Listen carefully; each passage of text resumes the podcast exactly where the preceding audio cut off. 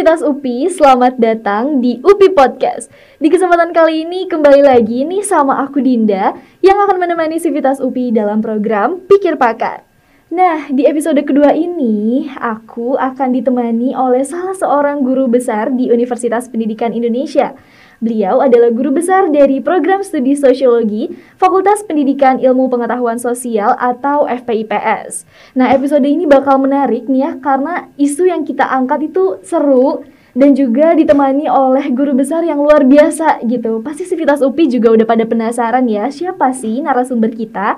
Langsung aja yuk kita sapa beliau. Halo Prof Eli, apa kabar Prof? Alhamdulillah kabar baik Dinda. Alhamdulillah, Prof semoga sehat-sehat selalu ya di masa pandemi seperti ini. Iya, alhamdulillah. Semoga semuanya sehat ya. Amin. Iya, Prof. Sebelum kita masuk ke topik pembahasan, ini boleh dong Prof Eli perkenalan diri, diri terlebih dahulu karena pasti ini Sivitas UPI pengen kenal lebih banyak nih sama Prof Eli. Oke. Tadi sudah diperkenalkan nama saya Eli ya, tapi tidak ada hubungannya dengan Elizabeth nggak ada.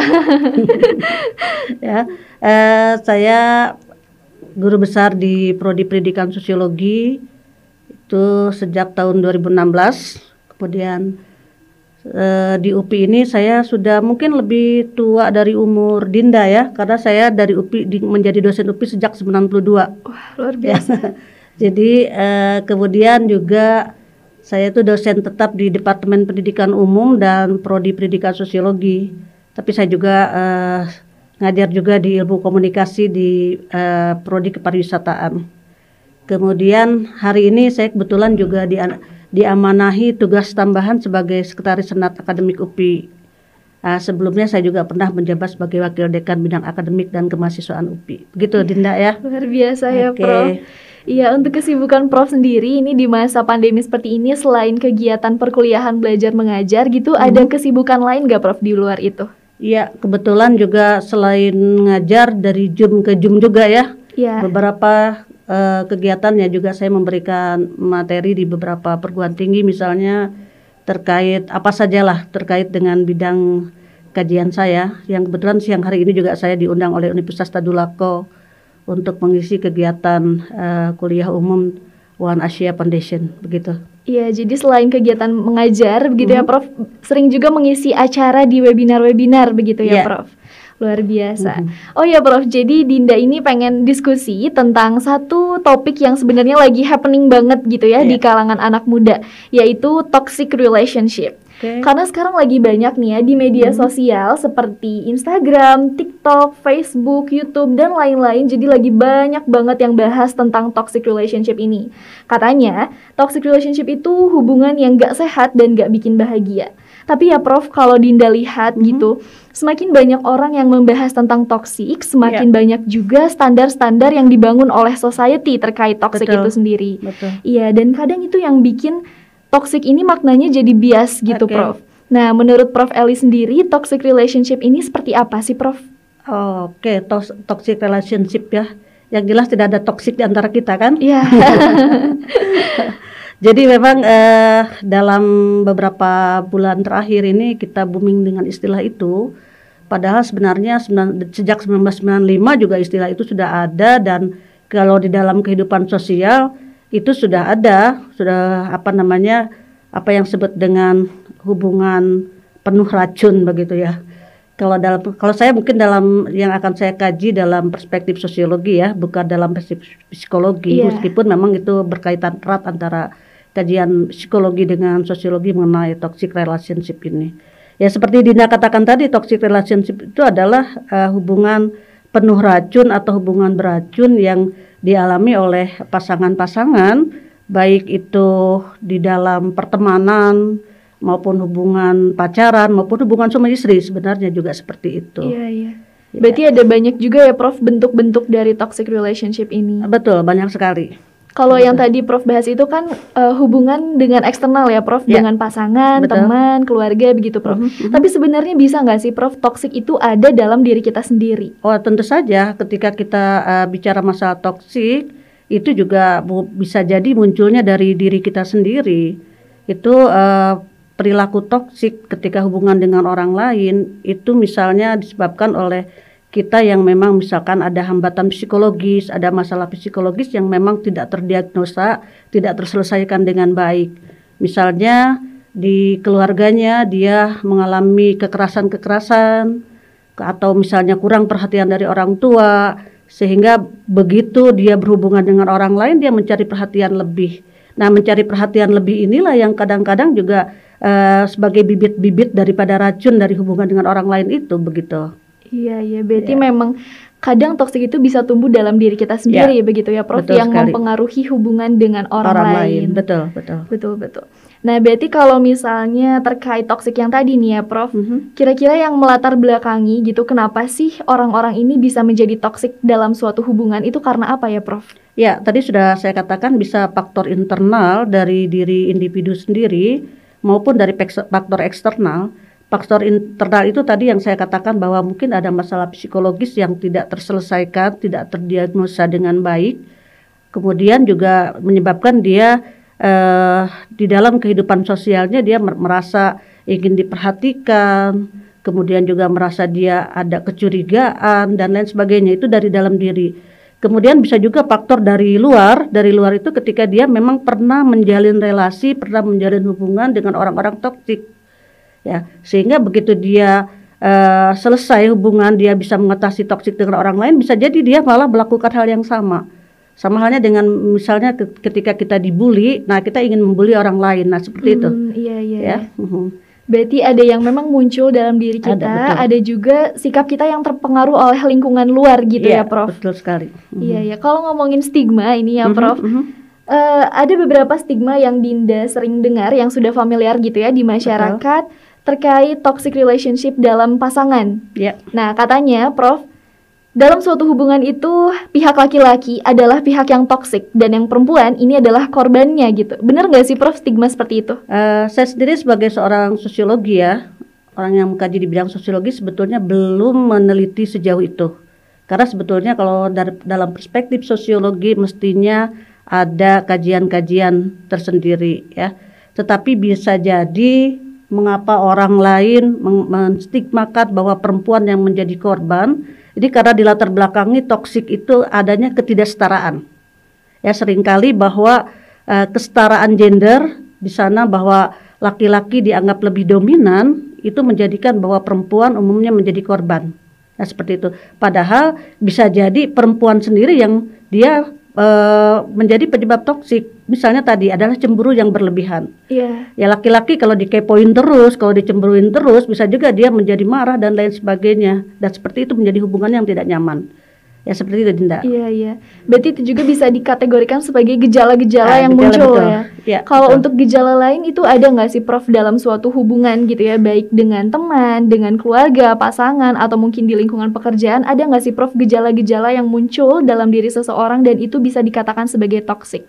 Ya bisa jadi ketika uh, orang orang sedang uh, menjalin hubungan toksik atau sedang berada di dalam hubungan toksik itu dia menarik diri dari pergaulannya di masyarakat ya, menarik diri dari pergaulan di dengan teman-temannya karena memang ada semacam ketakutan, ada semacam larangan dari pasangannya untuk untuk tidak bergaul dengan orang lain. Nah itu juga kalau kita melihat teman yang biasanya misalnya rame-rame, ketawa-ketawa, tiba-tiba menarik diri, nah kita setelah dia punya pacar atau setelah dia punya suami, kita perlu curiga.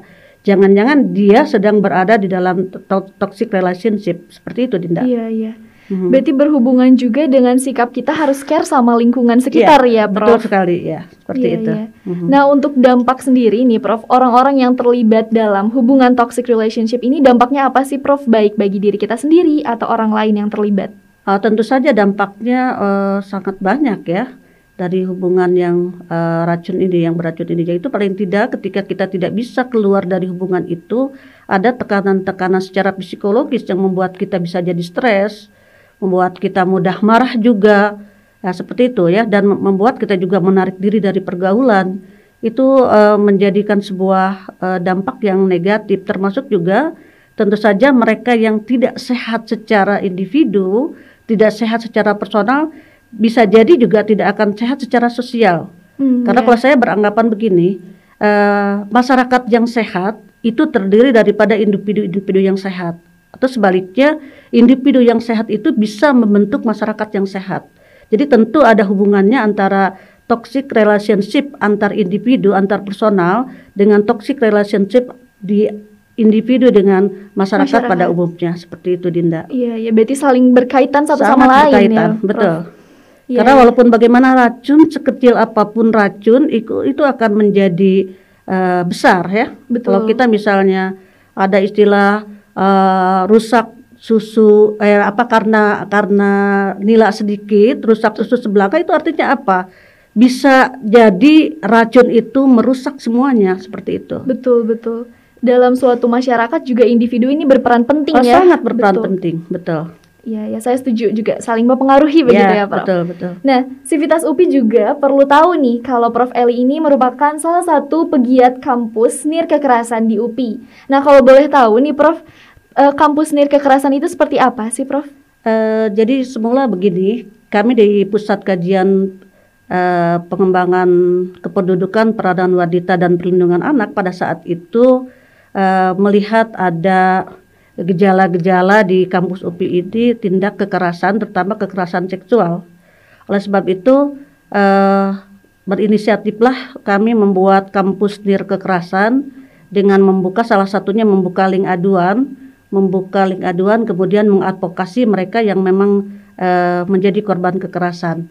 Nah, di antara mereka juga yang menjadi korban kekerasan bisa jadi penyebabnya adalah karena toxic relationship seperti itu. Karena dia di dari link aduan itu banyak juga eh, teman-teman uh, kita yang memang uh, mendapatkan kekerasan dalam pacaran, kemudian juga kekerasan berbasis online, baik dilakukan oleh temannya, tapi banyaknya adalah oleh sesama teman, uh, juga ada yang beberapa oleh sipitas yang lain seperti itu. Iya, iya. Berarti berdasarkan aduan yang Prof ya. terima ini, Betul. bisa memicu dari toxic relationship itu sendiri bisa ya, Prof? memicu dari toxic relationship. Yang betul, alhamdulillah sekarang. Uh, pusat eh, namanya menjadi pusat pendampingan krisis itu di LPPM sudah di SK-kan oleh rektor dan semula di, di apa dibahas dan disetujui di Senat kemudian disahkan oleh rektor sekarang menjadi lembaga tersendiri sehingga orang akan tahu bahwa UPI sangat care sangat peduli terhadap kampus nir kekerasan ini seperti itu. Jadi kalau sipitas UPI baik itu dosen mahasiswa tenaga pendidikan kalau memang diperlakukan tidak adil oleh orang lain, baik oleh Sipitan UPI sendiri maupun masyarakat luar, silakan boleh mengadukan kepada link aduan pusat uh, krisis center ini seperti itu Linda. Betul betul ini luar biasa ya. ya. Pasti Sivitas UPI juga ada yang baru tahu nih kalau ya. UPI ini menyediakan lembaga untuk aduan dari kekerasan yang dialami oleh Sivitas UPI betul. terkhususnya. Kebetulan yang menjadi ketuanya itu sekarang Bu Dr. Hani ya. Beliau juga uh, psikolog juga ahli gender jadi sangat tepat sekali ini kita memiliki lembaga seperti ini di UPI begitu. Iya luar biasa sangat bermanfaat ya, ya Prof lembaga insya Allah, ini. Insya Allah bermanfaat. Nah biasanya Prof, teman-teman Sivitas UPI nih yang melakukan aduan, yeah. itu biasanya uh, diberikan solusi atau penanggulangannya itu seperti apa sih Prof? Jadi ada berdasarkan uh, prosedur yang ditetapkan oleh pusat krisis, itu memang ketika aduan masuk kita tentu memilah data ya. Apakah data ini bisa diselesaikan sendiri di pusat krisis, misalnya hanya perlu nasihat, hanya perlu teman curhat dan lain sebagainya, atau kalau sudah uh, bisa juga ketika memang masalahnya sudah berat, kita bisa sampaikan kepada uh, apa pada rektor dalam hal ini untuk ditindaklanjuti di komisi disiplin. Kebetulan kan UPI punya uh, kom, uh, kom, apa namanya di komisi disiplin yang menangani disiplin mahasiswa. Sehingga kalau ada mahasiswa melanggar kode etik uh, mahasiswa atau peraturan mahasiswa itu ditindaklanjuti di komisi disiplin seperti itu. Oh iya. iya. Tetapi kalau misalnya aduannya menyangkut masalah uh, dosen, katakanlah menyangkut masalah urusan rumah tangga, terjadi kekerasan dalam rumah tangga lain sebagainya, ini juga kita uh, kalau sudah menyangkut masalah perceraian dan lain sebagainya, ditujukannya tentu ke uh, binap ya. Pembinaan itu di, di, diberikan suratnya dari krisis ke krisis center ke Warek 3 untuk melakukan pembinaan kepada uh, apanya uh, dosen atau tenaga pendidikan seperti itu. Iya. Jadi pasti ditindaklanjuti berdasarkan permasalahannya Betul ya, sekali. Prof. Luar biasa. Nah, tentu juga ya, Prof. Ini kalau masih ngomongin tentang hubungan yang toksik hmm, gitu betul, ya, Prof. Betul. berdasarkan beberapa pengalaman, mm-hmm. orang-orang yang sudah terlibat dalam hubungan yang toksik ini biasanya akan merasa kesulitan untuk keluar dari hubungan itu gitu ya, yeah. Prof. Nah, beberapa dari teman Dinda juga cerita mm-hmm. kalau mereka itu punya hubungan yang toksik, Prof. Betul. Baik sama circle pertemanannya, sama mm-hmm. pasangannya, atau bahkan sama keluarganya nih, Prof. Yeah. Nah, Dinda itu sebagai teman, apa sih, Prof, yang harus dilakukan ketika tahu teman terdekat Dinda ini tuh berada dalam hubungan yang toksik? Oke, okay, sebelum ke sana, sebenarnya uh, apa pun hubungan yang kita bangun, sebetulnya tujuannya adalah untuk bahagia. Betul. Ya, bukan untuk menderita, gitu ya.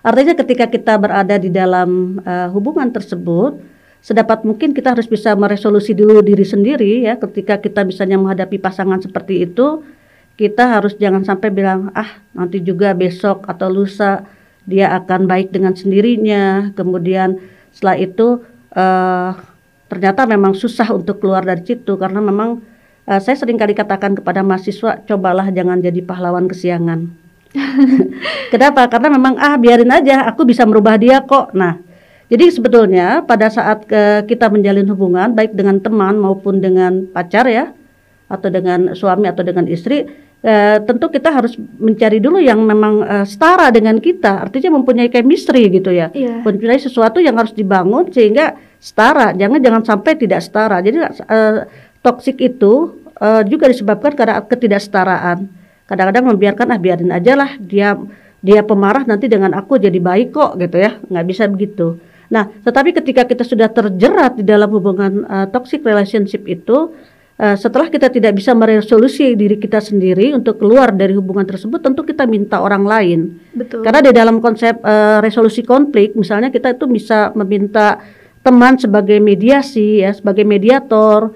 Kemudian juga kalau uh, bisa juga kita juga mengajukan sendiri, punya keberanian sendiri kepada pasangan kita, itu harus punya keberanian. Ya lebih jauh lagi juga yang paling bagus kalau kita tidak bisa menyelesaikan pada teman, kemudian juga tidak menyelesaikan oleh diri kita sendiri ya kita meminta kepada profesional tentu saja, mungkin psikolog, mungkin bimbingan konseling atau mungkin di UPI uh, eh, pada pusat krisis ini seperti itu Dinda. Betul betul nih perlu dicatat juga yeah. ya Prof sama Sivitas UPI kalau yeah. biasanya ini pemikiran perempuan hmm, gitu. Betul kayak oh nggak apa-apa nanti dia bakal berubah yeah. sama aku gitu ya yeah, Prof. Betul. Nah itu perlu ditangani segera gitu kalau misalnya nggak curhat sama teman, teman masih kurang bisa menyelesaikan bisa go to profesional ya Prof. Iya, yeah, betul. Bisa ke bimbingan konseling atau psikolog begitu.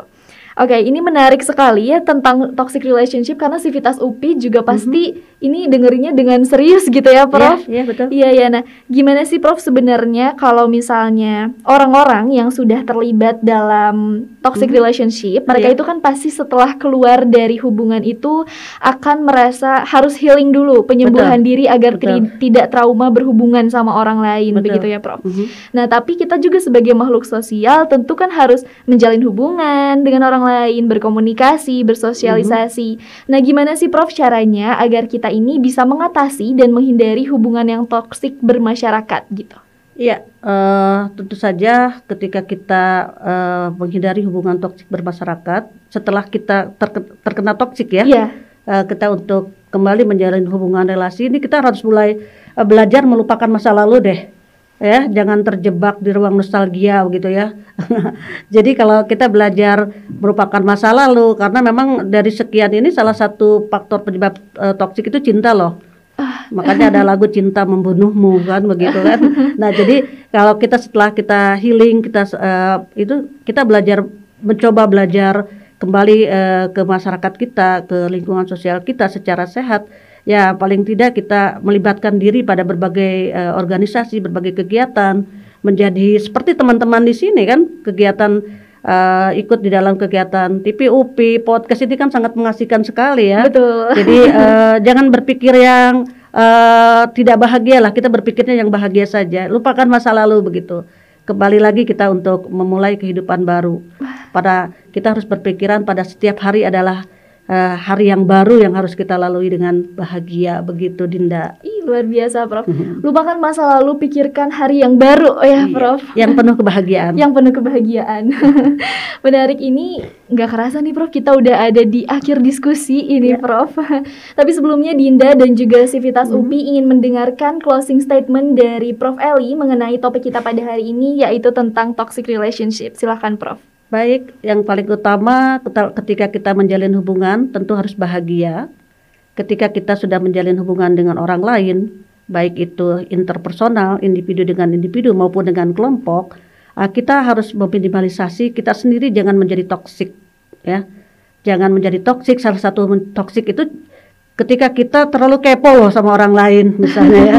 Ya, kita jangan jangan menjadi toksik, juga jangan menjadi orang yang eh, misalnya ketika di masyarakat itu eh, kita menjadi orang yang eh, apa selalu berpikiran negatif sama orang lain.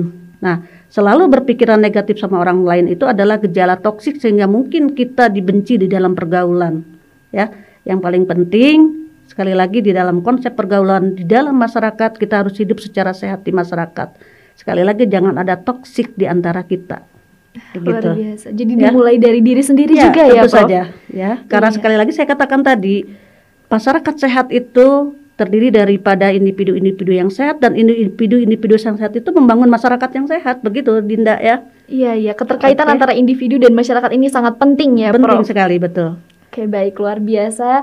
Nah Prof biasanya ini ya pakar-pakar yang hadir di uh, episode Pikir Pakar ini Mhm. punya quotes nih Prof. Apakah Prof punya quotes untuk Sivitas UPI terkait toxic relationship ini? Iya, mari kita menjalin hubungan secara sehat. Itu saja. Mari kita menjalin hubungan secara sehat. Begitu Sivitas UPI. Oke. Perlu diingat ya bahwa percakapan kita ini sangat menarik karena tadi ternyata toxic relationship ini berhubungan gitu antara psikologi dengan sosiologi juga. Betul, Kita saling keterkaitan, jangan sampai yang satunya hilang begitu saja. Iya, betul sekali Dinda. Betul. Baik sekali lagi eh, terima kasih Prof karena sudah bersedia menjadi narasumber di episode Pikir Pakar ini. Sama-sama, semoga semuanya sehat dan sukses ya. Amin. Semuanya. Oke. S- Sekali lagi eh, semoga Prof juga selalu sehat-sehat ya Prof. Amin. Terima Iya. kasih. Oke, Sivitas UPI, sekian episode Pikir Pakar kita hari ini memba- membahas tentang toxic relationship. Jangan lupa ya buat dengerin terus episode Pikir Pakar selanjutnya karena akan semakin menarik dan seru. Oke, sekali lagi terima kasih. Aku Dinda. Sampai jumpa lagi.